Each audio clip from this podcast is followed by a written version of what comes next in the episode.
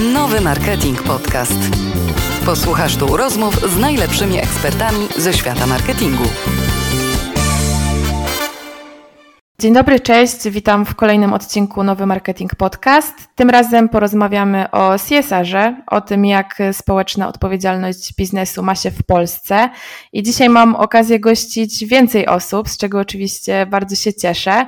I tak jest z nami pani Agnieszka Pleti, prezeska Fundacji Poland Business Run i organizatorka konkursu CSR Awards Polska, pani Aleksandra Lisowska, strateżka w agencji Garden of Words Group, pan Jacek Przybylski z Cisco System Poland i pan Bartłomiej Budnicki z firmy Skanska. Ja na początek byłabym wdzięczna, gdyby mogli Państwo opowiedzieć kilka słów o sobie, o tym, czym Państwo się zajmują e, zawodowo na co dzień. Może Pani Agnieszka najpierw. E, ja się zawodowo zajmuję pomaganiem i to jest najlepsza fucha na świecie, jaka może być. A przy okazji od wielu, wielu lat mam przyjemność i ogromny zaszczyt to pomaganie organizować razem z firmami. I z racji tego, że pracujemy z firmami, to byliśmy w stanie zobaczyć, jak firmy fantastycznie realizują różnego rodzaju programy, strategie, nie tylko w tym zakresie Poland Business Run i, i działania, w obrębie którego się wszyscy spotkaliśmy, ale też wielu, wielu innych projektów. Dziękuję. Pani Aleksandro? E, ja od 18 lat zajmuję się komunikacją. E, moja e, tutaj działalność w komunikacji osiągnęła w tym roku pełnoletność e, i CSR jest moją wielką pasją. Przygotowuję strategie CSR-owe, pomagam je wdrażać naszym klientom agencyjnym. No, jest to ogromna przyjemność prowadzić projekty, które są marketingowe i komunikacyjne, ale jednocześnie wnoszą takie dobre zmiany do świata. Dziękuję. Pan Jacek? Ja na co dzień pracuję w IT, zajmuję się zarządzaniem w IT.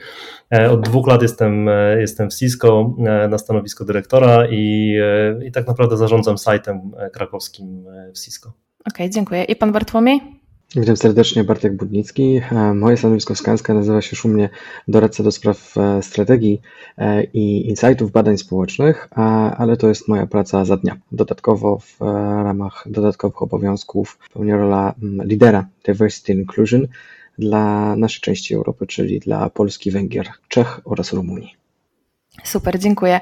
E, pierwsze pytanie, które chciałam w ogóle zadać, e, taką drogą wstępu, powiedzmy, e, to to, czy CSR w Polsce jest według Państwa trendem, czy raczej jest już standardem? Myślę, że jest coraz bardziej trendem, bo właśnie obserwujemy i dzięki temu, że my akuratnie, zajmując się Poland Business Runem, mieliśmy taki przywilej obserwować przez lata, co robią firmy, bo jesteśmy z firmami blisko. I bardzo często widzieliśmy fantastyczne projekty, którymi się firmy nie chwaliły. I dlatego już myśleliśmy o tym w czasach takich przedpandemicznym, że fantastycznie byłoby pokazywać, co firmy robią, nie tylko dla swojego środowiska wewnętrznego dla swoich pracowników, ale też jakie robią projekty dla otoczenia, w którym funkcjonują. E, stąd w ogóle pojawił się pomysł konkursu i pomysł przyglądania się różnym projektom CSR-owym, dlatego, że wiele, wiele lat temu, jak nie wiem, startowałam z Business Runem 12 lat temu, to takie projekty jak Business Run, który jest projektem CSR-owym, ale też inne projekty, no zdarzały się rzadko. A teraz, zwłaszcza po ostatnim czasie, po czasie pandemii, po projektach, które też pojawiły się w trakcie y, działań wojennych i związanych z pomocą uchodźcom Ukrainy, to one się stają absolutnie standardem i coraz więcej firm z naszej obserwacji takiej z boku przykłada coraz większą wagę do tego, żeby te projekty realizować i wdrażać je w swoją kulturę. Tak, ja tutaj jeszcze mogę mm, też dołożyć swoją cegiełkę, jeżeli chodzi o obserwowanie rynku korporacyjnego, to jakby samo pojęcie CSR-u, ono bardzo mocno ewoluuje i mam wrażenie, że w tej chwili trochę odkrywamy kolejną e, szatę tego pojęcia, bo ono mocno królowało ponad dekadę temu, kiedy w Polsce zaczęto przyznawać m.in. E, listki CSR-u, jedną z pierwszych e, tego typu nagród, ale tak naprawdę w ramach upływu, upływu czasu, w jakiejś takiej nomenklaturze, także raportowej, pojawiły się nowe pojęcia, które także zawierają w sobie działania stricte związane z CSR-em. W tej chwili bardzo dużo na rynku mówimy o kolejnym skrótowcu, trzyliterowcu, czyli ESG, który jest skrótem od Environmental, Societal and Governmental, ESG i jest to pewnego rodzaju standard raportowania pozafinansowego, czyli tutaj mamy kolejną ewolucję, który jest związany z prawodawstwem Unii Europejskiej. I tak naprawdę w tej chwili, mówiąc stricte o CSR-ze, czasami możemy ulec takiej pułapce myślenia, czy to jest CSR, czy to jest ESG. Tylko tutaj kawa nie wyklucza herbaty, więc warto na pewno zwracać e,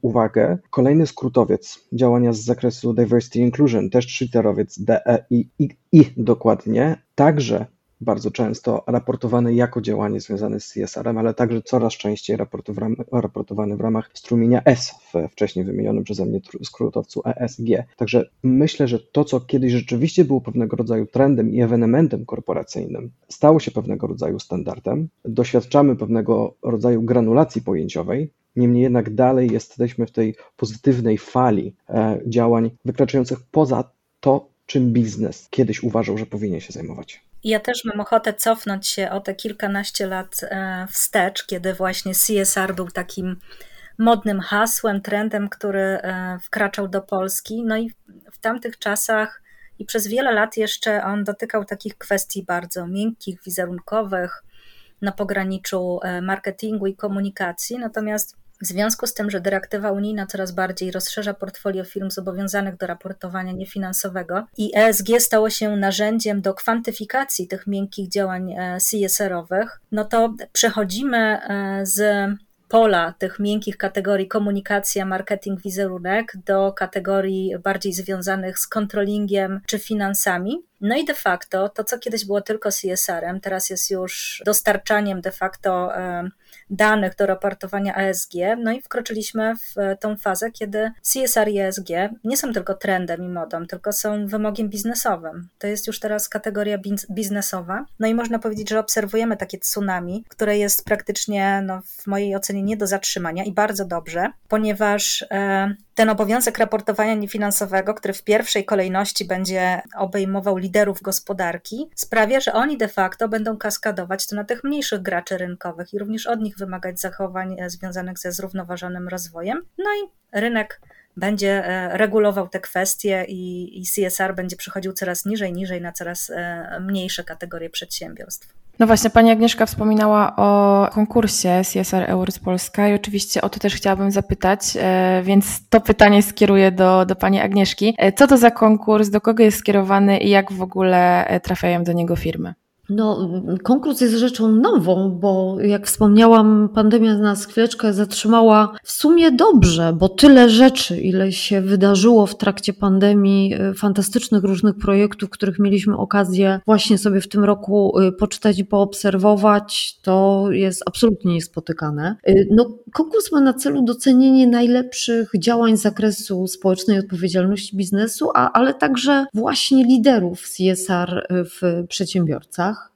w przedsiębiorstwach różnych. W konkursie mogą wziąć udział firmy posiadające siedzibę lub oddział na terenie Polski, które w 2022 roku zrealizowały projekt y, CSR-owy na rzecz swoich pracowników albo osób spoza organizacji. Y, udział w konkursie jest bezpłatny i informowaliśmy mm, o tej naszej inicjatywie naszych partnerów. Zaprzyjaźnione firmy, nie zdając sobie sprawy z tego, czego się możemy spodziewać. A skoro mowa była przez y, panią Aleksandrę o deszczu, to tutaj na nas spadł deszcz y, do, do konkursu, w ogóle prac konkursowych, bo wpłynęły 283 zgłoszenia. To jak na y, pierwszy konkurs, który, w którym chcemy coraz, co roku, bo będziemy go oczywiście kontynuować, mam nadzieję, przez wiele lat i pokazywać najlepsze przykłady, to naprawdę sporo. Byliśmy no, niesamowicie zaskoczeni i szczęśliwi, bo te zgłoszenia spłynęły ze 162 firm. I to jest mhm. też wtyczne, bo te firmy są różne. Są to duże korporacje, ale są też znacznie mniejsze firmy, co pokazuje też y, to, o czym przed chwileczką rozmawialiśmy. E, tak, o tym też nie wspominałam, ale teraz uzupełnię to, że my widzimy, czy raczej słyszymy się tutaj w takim laureackim e, gronie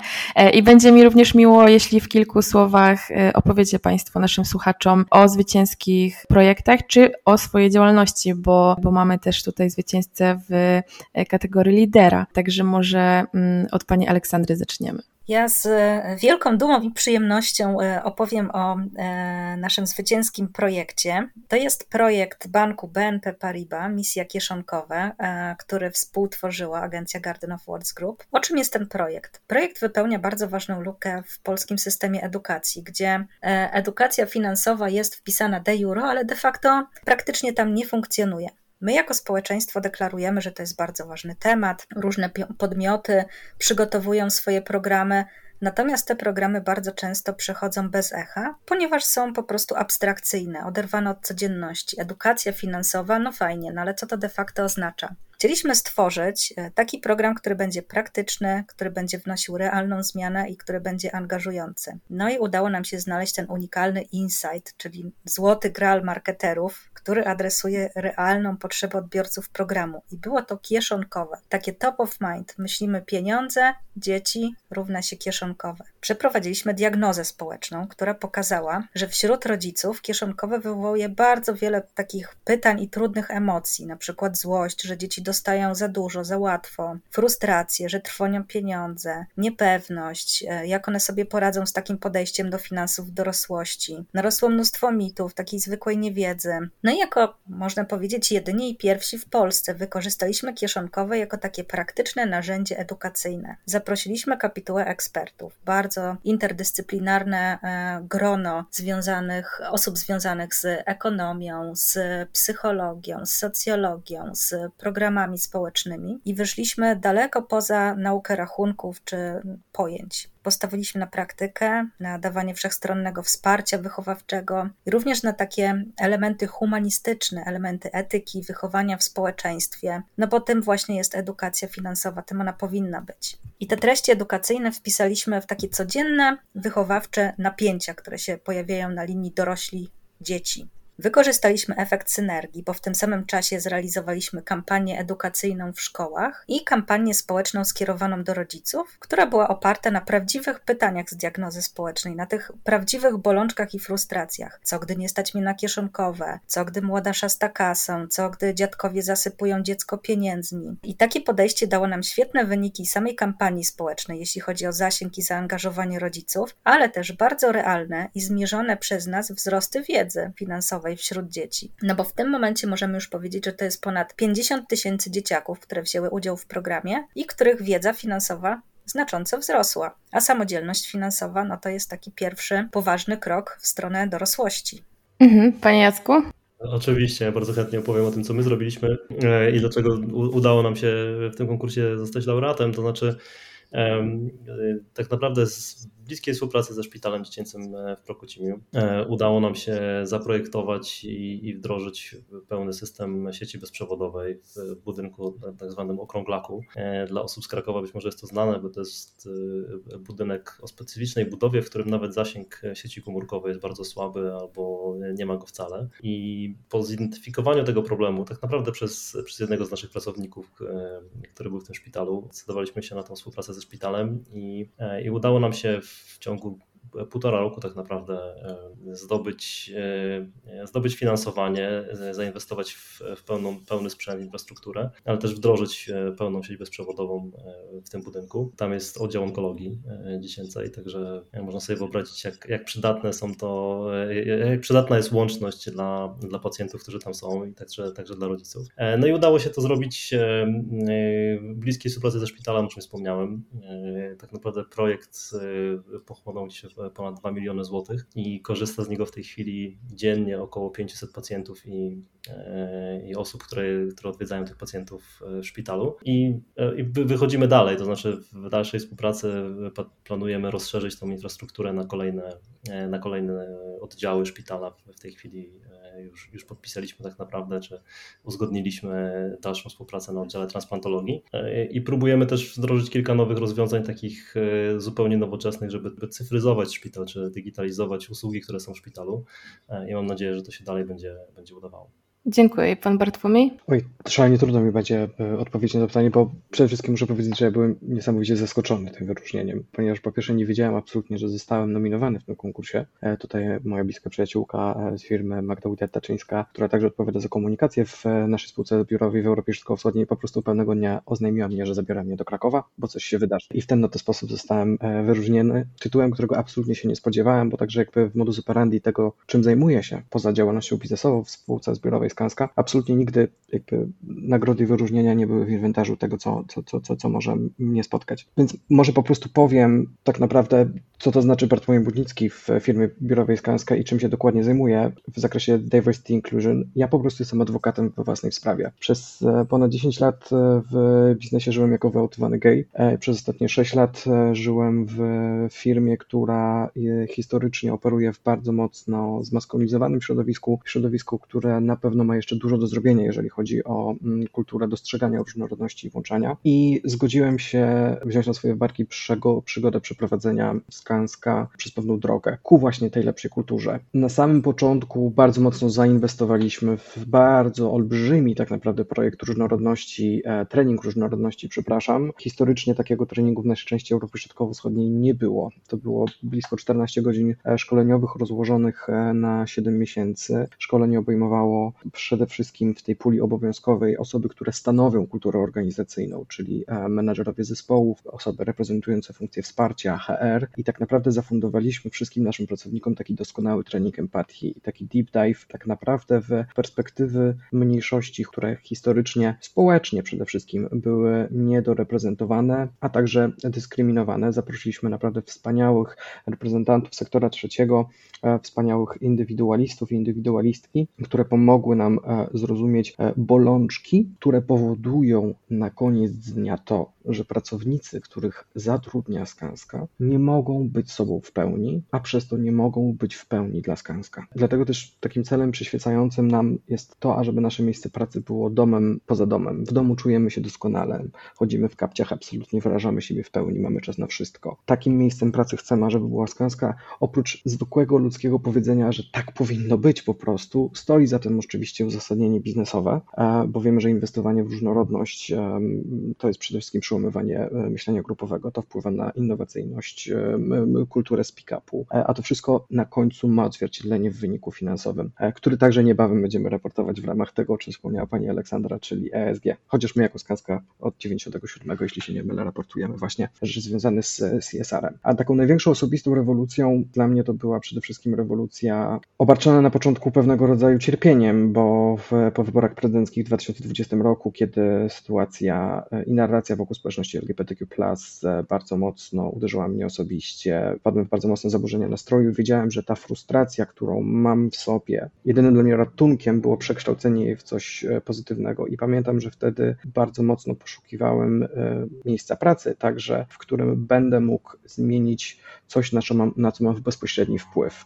Ponieważ jeżeli chodzi o społeczność LGBTQ w Polsce, to mamy wybitną pulę e, aktywistów i aktywistek, wspaniałe fundacje działające na rzecz fundacji, e, na rzecz, przepraszam, społeczności LGBTQ+, ale tak naprawdę mm, sektor prywatny do tej pory milczał. W związku z tym mm, ta osobista rewolucja i przeniesienie tych wszystkich złych emocji na tą pozytywną stronę przy wykorzystaniu wszystkich biznesowych kompetencji, które posiadam, bardzo pomogło mi, a jak się okazuje także pomogło innym i zainicjowało wspaniałe ruchy. W tej chwili jako Skanska współanimujemy, także współ, współtworzyliśmy mm, nieformalne porozumienie tęczowych networków firm, które są albo polskie, albo mają oddziały w Polsce. Nazywa się to LGBTQ e, Network of Networks, w skrócie NAN. E, za nami już trzecia wspólna inicjatywa międzykorporacyjna i to, co jest najbardziej niesamowite w tym wszystkim, jest to, że to, co robimy, jest definicją wspaniałego ruchu oddolnego, tak naprawdę. Zarządzanie różnorodnością i włączaniem w Skanska, ale także na szczęście całe szczęście w innych przedsiębiorstwach polega na tym, że znosimy budżety, reprezentację i decyzyjność do tak zwanych ERGs-ów, czy po prostu sieci pracowniczych. ERG to jest e, kolejny skrótowiec, dzisiaj jestem po prostu tłumaczem skrótowców, Employee Resource Group i lokujemy sprawstwo tam, gdzie rzeczywiście może ono być najlepiej wykorzystane. Tak? Społeczności pracownicze e, LGBTQ i osób sojuszniczych, społeczności pracowników, którzy są neuroatypowi. W związku z tym te ruchy oddolne oczywiście sprawnie zarządzane. Mogą być wspaniałe, to jest szczere przede wszystkim i też tutaj pojawia się pewnego rodzaju waluta bardzo niepieniężna, bo wiele pracowników, tak samo jak ja, to co robimy na rzecz naszych przedsiębiorstw i tak naprawdę na rzecz samych siebie, bo w końcu w tych przedsiębiorstwach spędzimy jedną trzecią naszego życia, robimy poza czasem pracy bardzo często i tak naprawdę nikt nie rości sobie żądań do dodatkowego wynagrodzenia. Jest to po prostu bycie adwokatem w własnej sprawie. No i właśnie za to wszystko przyszło mi w Krakowie w pięknej przestrzeni sukienic odebrać pierwszą moją w życiu statuetkę, jakąkolwiek. Dlatego byłem bardzo onieśmielony tym wszystkim, co się działo. Super, dziękuję bardzo i gratuluję wszystkim oczywiście. Wracając do stwierdzenia, które padło gdzieś na początku naszej rozmowy, to znaczy właśnie tego, że ten CSR to nie jest już trend, tylko standard, czy raczej nawet powinien być to standard, to chciałabym zapytać o to, jakie są kluczowe czynniki, które mm, pomagają przedsiębiorstwom skutecznie ten CSR wprowadzać w e, ich strategię i o co w szczególności e, należy zadbać przy wprowadzaniu działań właśnie z tego obszaru. To ja znowu mogę tylko z obserwacji zewnętrznych, ja jestem tu obserwatorem zewnętrznym, y, powiedzieć, y, na, mm, oglądając y, wszystkie mm, prace, które do nas spłynęły, że niezwykle budujące było to, że one odpowiadały na potrzeby odpowiadały na potrzeby naszych ostatnich lat, y, bardzo trudne, bo z jednej strony na potrzeby, które się zrodziły w trakcie pandemii i po pandemii, czyli wiele, wiele projektów dotyczyło tego, w jaki sposób można psychicznie wesprzeć pracowników, bo zauważono, że to jest ogromna potrzeba po tym czasie takiej, takiej, takiej izolacji, tego jak, w jakim stanie pracownicy, ludzie wracali do firm, więc wiele projektów było temu poświęconych. I oczywiście, skoro rozmawiamy o ostatnim czasie, to bardzo duża rzesza projektów, większych, mniejszych, pomagających uchodźcom e, z Ukrainy, więc mamy tu ewidentnie odpowiedź na potrzeby, które są w otoczeniu, a przecież nad tym e, jest zabazowany CSR.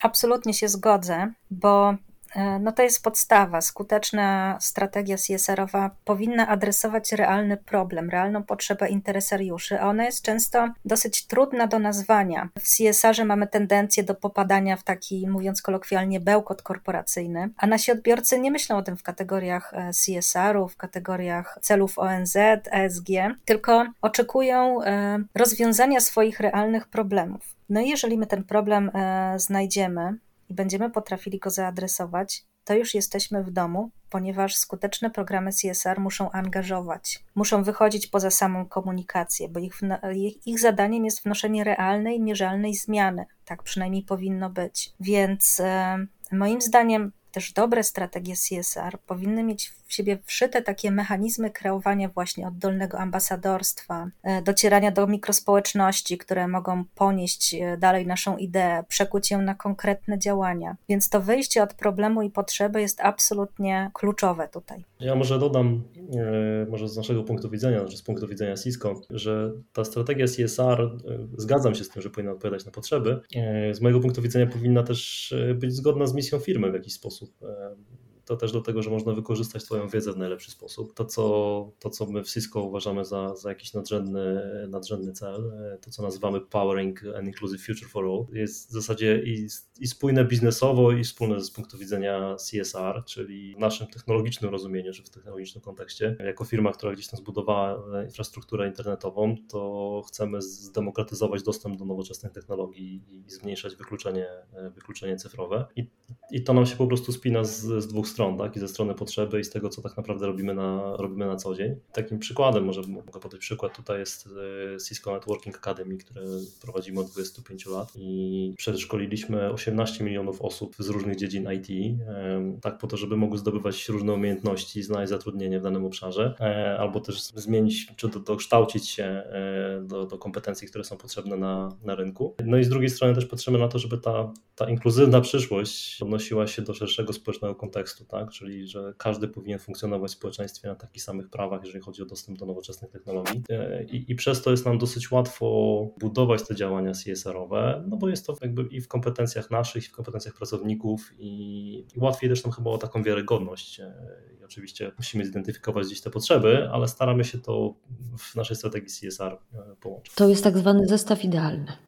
Tak, jeszcze tutaj chciałem, jeżeli mogę. Oczywiście. Tak, to także komentarz do tego pytania. Bardzo dużo już padło, ale pewnego rodzaju ryzyko, które dostrzegam w momencie, kiedy mówimy o strategiach e, CSR, które są bardzo widoczne dla odbiorcy zewnętrznego, to jest pewnego rodzaju asymetria. Ja zawsze uważam, że nie od razu Rzym zbudowano i bardzo często widzimy także głośne przypadki medialne korporacji, które rzeczywiście bardzo działają na zewnątrz, ale mam wrażenie, że nie do końca odrobiły pracę domową, jeżeli chodzi o tworzenie kultury wsłuchiwania się w potrzeby chociażby własnych pracowników. Widzimy po jakby badaniach społecznych tak naprawdę nowej generacji mm, pracowników, że to są pracownicy, którzy bardzo świadomie wybierają przedsiębiorstwa, które rzeczywiście żyją swoimi wartościami na co dzień, kiedy kamery są wyłączone. E, I to są pracownicy, którzy jako pierwsi e, i jako pierwsze będą mówić sprawdzam. Dlatego też wydaje mi się, że elementem dobrej strategii CSR jest także właściwa infrastruktura kultury wewnętrznej, wsłuchiwania się w potrzeby pracowników. Jest cały szereg badań, metodyk badawczych, którymi badamy gusta, preferencje, koszyki zakupowe naszych klientów. Jeżeli naprawdę przyłożymy dokładnie te same miary do chociażby wsłuchiwania się w potrzeby pracowników, to możemy wybudować te podstawy, na których potem możemy także budować zaangażowanie, o, których, o którym wspomniała Pani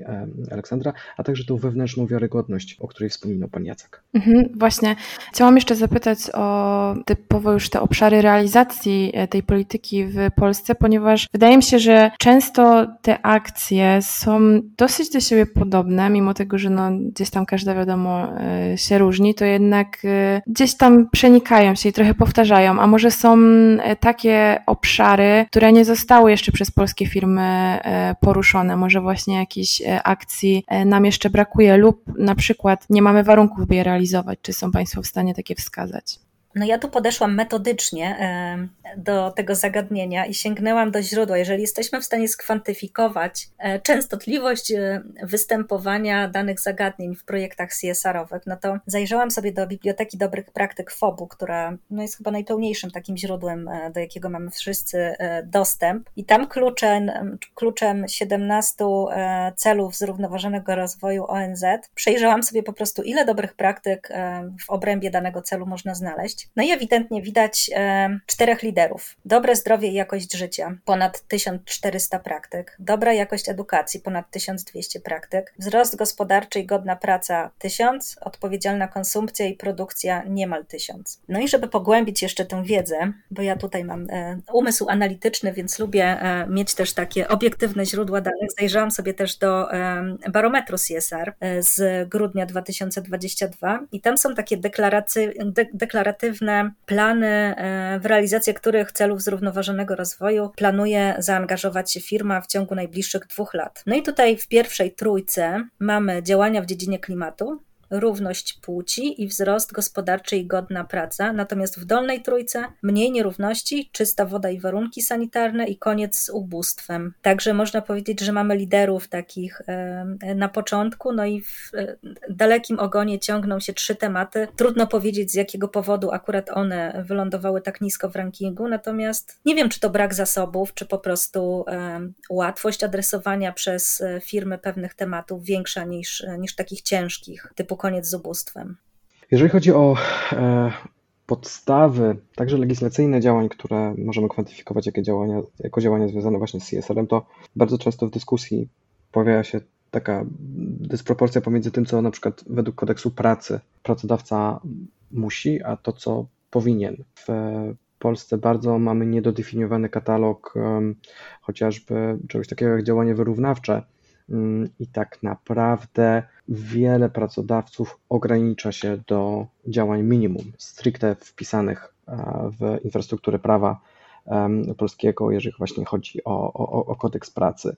E, mowa tutaj chociażby o tym, w jaki sposób pracodawcy podejdą do mm, tematu, który coraz częściej wchodzi w dyskusji, jak na przykład intersekcjonalność, czyli mówimy już o zarządzaniu nie e, różnorodnością rozumianą jako jeden pracownik, jedna e, chociażby przesłanka chroniona, tylko o pewnym bagażu tak naprawdę mm, doświadczeń związanych ze sytuacją życiową, z cechami wrodzonymi, wszystkimi przesłankami chronionymi, o których mówi prawo.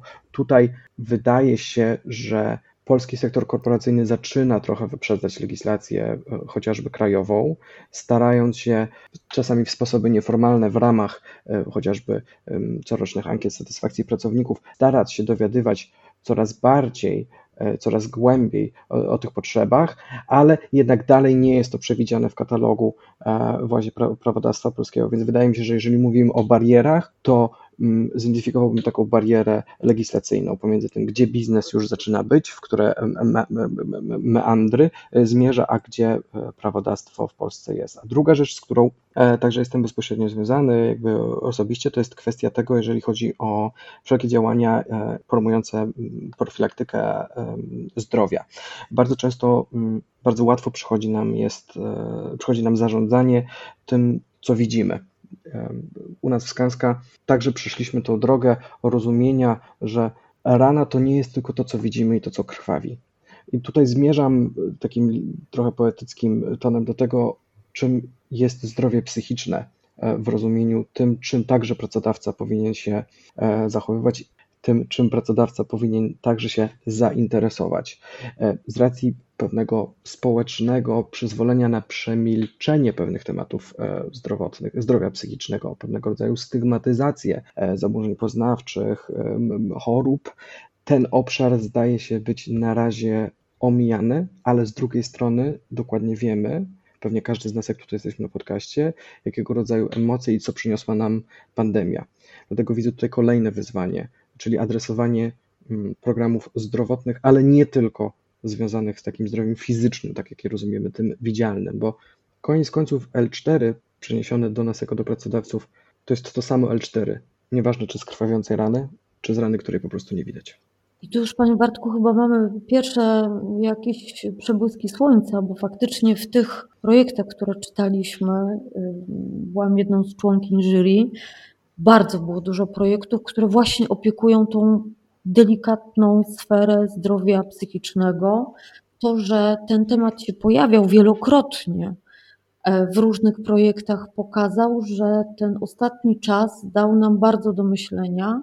Myślę, że daje również e, wciąż i nieustająco, bo w 2023 roku jesteśmy teraz w takim miejscu, kiedy tematem, o którym się bardzo dużo mówi, to jest z kolei zdrowie psychiczne, próby samobójcze młodzieży i to w jakim oni są momencie. Więc ten, ten temat zaczyna żyć, zaczyna się pojawiać w tych projektach. I absolutnie to nie są tylko projekty związane z działaniami prozdrowotnymi, wynikającymi z tego, że no dobrze by było biegać y, albo w ogóle uprawiać jakiś sport, tylko zwrócenie uwagi na to, co się dzieje z naszą psychiką, jakiej ona opieki wymaga i co mogą pracodawcy zrobić dla pracowników. To być może jest jeszcze w takiej bardzo podstawowej wersji, ale ten temat już jest. I bardzo się cieszę, że właśnie takie konkursy jak konkurs realizowany przez Państwa pokazują i promują tego typu inicjatywy. A czy uważacie Państwo, że ym, działania CSR są dla wszystkich? To znaczy, mam tutaj na myśli to, czy y, są dla dużych firm, które przede wszystkim, pierwsze skojarzenie, dysponują odpowiednim budżetem, czy także dla małych przedsiębiorstw? Znaczy, dobrze byłoby powiedzieć, że są dla wszystkich, y, ale nie chciałbym też zabrzmieć arogancko z punktu widzenia dużej firmy, y, bo jednak te narzędzia, które mamy w, w dużej firmie, i tu mówiliśmy oczywiście o budowaniu kultury organizacyjnej i ją można zbudować pewnie, pewnie wszędzie, ale jednak e, sama możliwość posiadania budżetu czy narzędzia, które mamy, dodatkowy urlop płatny, który zachęca pracowników tak naprawdę do korzystania, daje nam pewną przewagę, więc y, wydaje mi się, że małe firmy mogą się jednak zmagać z troszeczkę innymi problemami. Tak? To, co w korporacjach i w dużych firmach jest już standardem, o czym już mówiliśmy, że ten CSR jest standardem, ESG staje się trendem i pewnie też niedługo będzie standardem. Myślę, że małe firmy mogą mieć jednak inne wyzwania niż,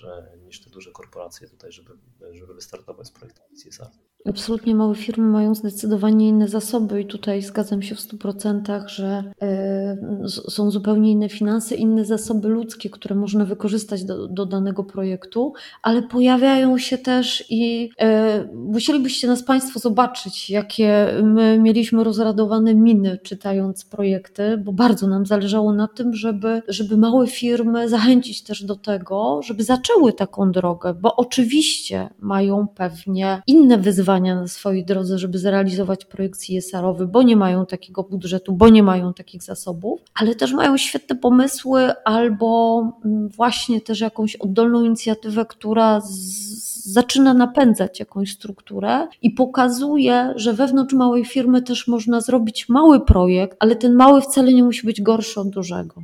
Jakie korzyści w takim razie niesie ze sobą w ogóle podejmowanie takich działań e, CSR-owych w firmie? To może ja zacznę znowu. Z punktu widzenia Cisco, chyba tym najważniejszą e, korzyścią, jaką, jaką mamy i, i, mierzymy, to tak naprawdę jest zadowolenie pracowników. To co, to, co widzimy też w ankiecie Great Place to Work, której się udało nam, nam wygrać, pochwalę się przy okazji w tym roku, e, widzimy, że na te pytania w temacie bycia dumnym czy reprezentowania firmy, właśnie ze względu na, na aktywności CSR, to pracownicy najczęściej zaznaczają e, to, że jest to świetne miejsce do wykonywania takich, takich rzeczy, czy są wspierani w tym obszarze. I wydaje mi się, że to jest, to jest jeden z tych naj, największych benefitów, tak? E, I ta przynależność pracowników, myślę, że pracownicy teraz coraz częściej e, patrzą nie tylko na to, e, jakie warunki pracy mają, ale też na to, czy, czy ta praca sprawia im poczucie dumy, poczucie radości. I ten element CSR i, i wsparcia, otrzymują, żeby, żeby, żeby w obszarze CSR pracować, jest chyba najważniejszym elementem, którym, z którego my jesteśmy dumni, którym mierzymy.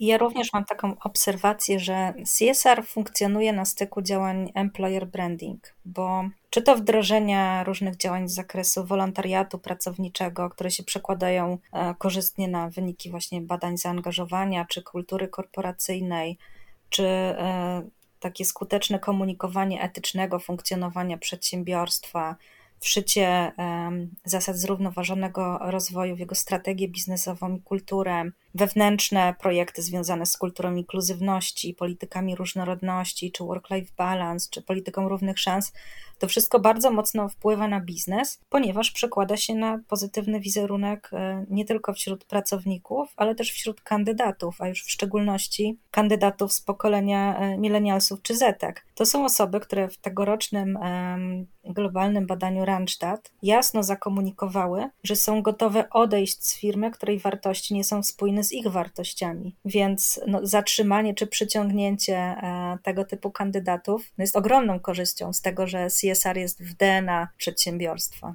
Absolutnie tak. I z punktu widzenia państwa, przedsiębiorców y, i, i tego, że pracownicy się angażują, bo czują te same wartości, to jest niezwykle ważne. Ja powiem z punktu widzenia trzeciego sektora. To dzięki temu, że Państwo się angażujecie w takie działania CSR-owe, my wspólnie razem, my trzeci sektor i Państwo jesteśmy w stanie zaopiekować kolejne trudne kawałki do zaopiekowania, prawda? E, zająć się znowu tematami, które wymagają e, zgłębienia, przeprowadzenia, wdrożenia, wprowadzenia jakiejś zmiany, która potem pociągnie dalszą zmianę. To jest nasze DNA z kolei trzeciego sektora, prawda? Trzeci sektor ma swoją misję i ją realizuje. Dzięki Państwu i dzięki temu, że się angażujecie w projekty CSR-owe, możemy to robić razem. A jeśli chodzi o największe wyzwania związane z wdrażaniem CSR-u w różnych branżach, to jakie przychodzą Państwu do głowy? Budżet.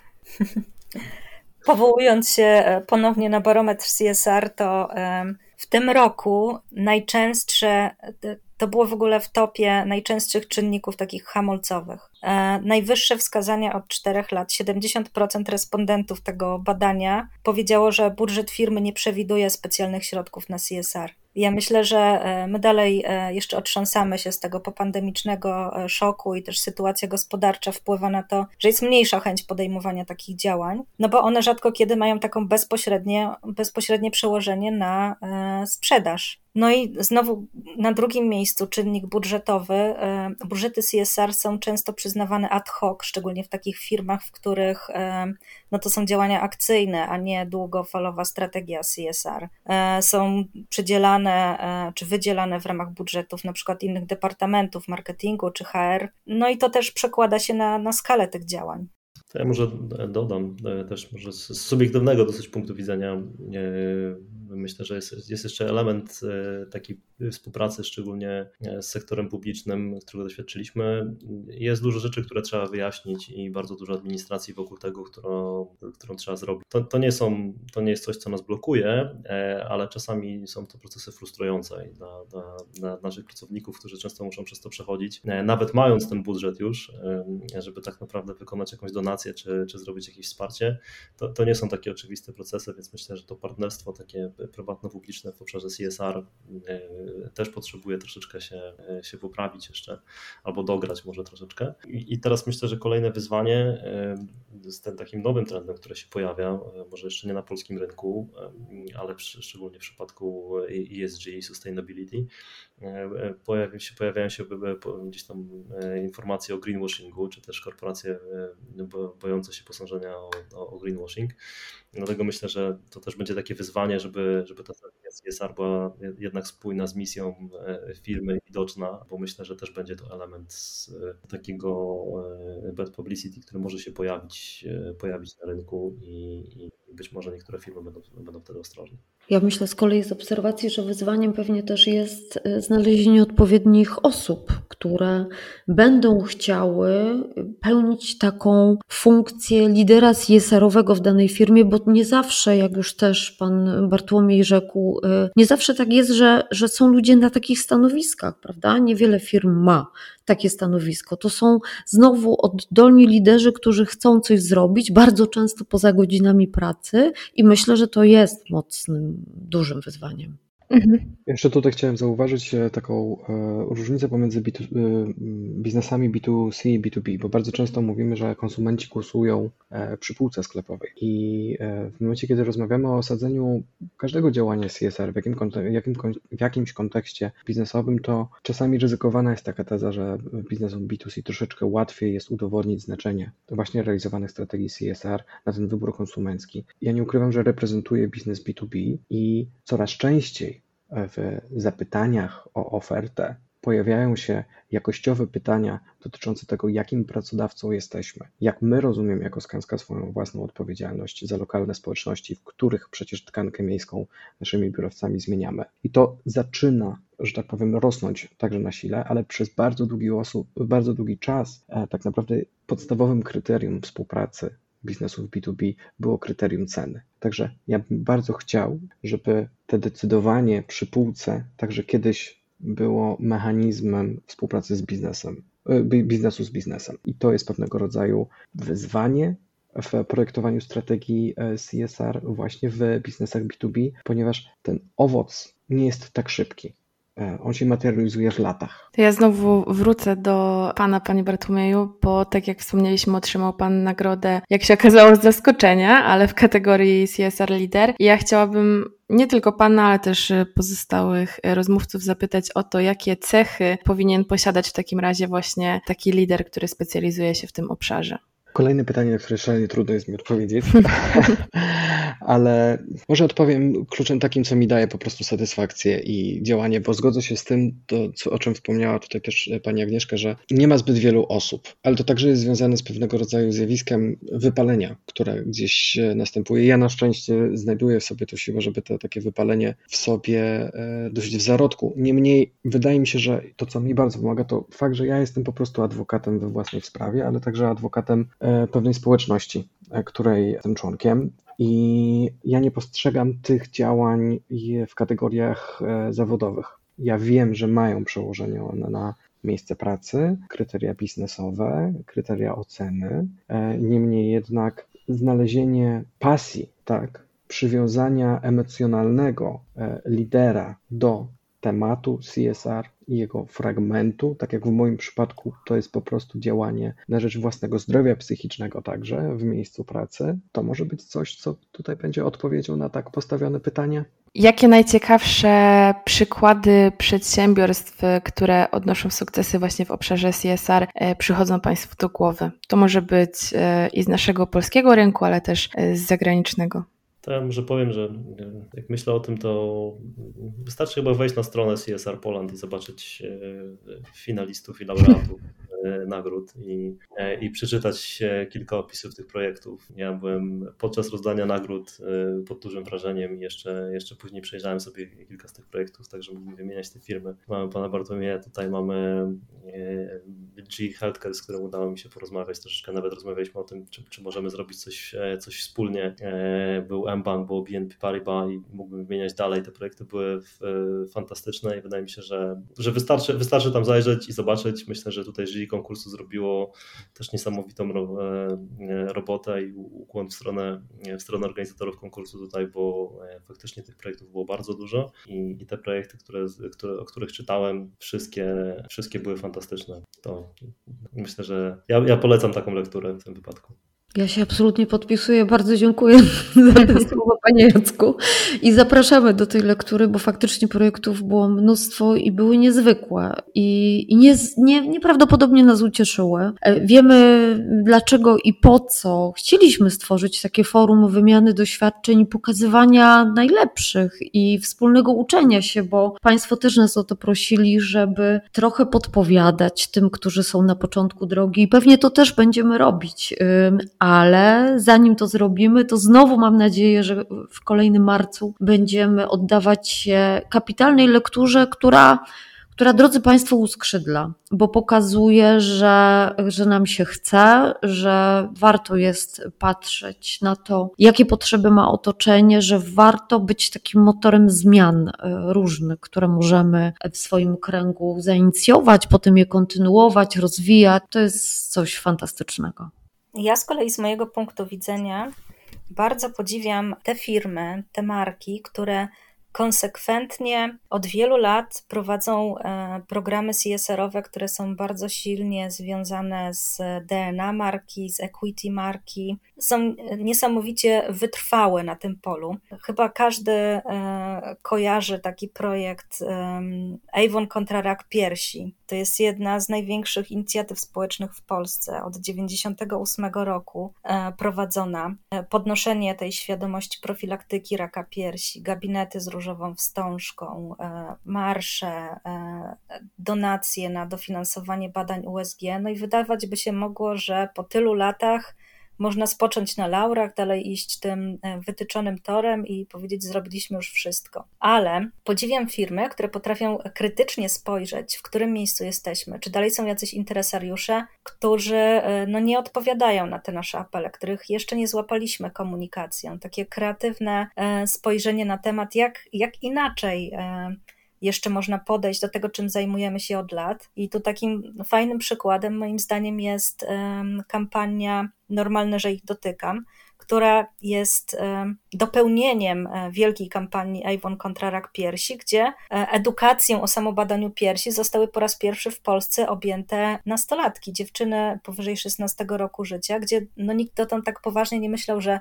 ten zdrowy nawyk już trzeba zacząć kształtować od najmłodszych lat, że można podejść tak kreatywnie do tematu, że e, w kampanii weźmie udział gwiazda młodego pokolenia, że, na, że nagra teledysk do tego, że to nie musi być cały czas taka edukacja ex cathedra, tylko to może być bardzo angażujące. Myślę, że takich projektów jest e, wiele i na świecie, i, e, i na polskim rynku. No i właśnie ja zawsze podziwiam e, wytrwałość, takie niespoczywanie na laurach i cały czas innowacyjność, dążenie do tego, żeby móc zaproponować coś nowego w ramach tej długoletniej strategii.